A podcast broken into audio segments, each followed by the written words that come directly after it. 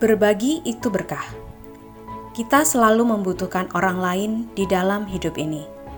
Kita saling memberi dan menerima, sehingga seseorang dapat menjadi berarti ketika berbagi. Perbuatan baiklah yang menjadi pendorong untuk dapat memperkuat kebersamaan.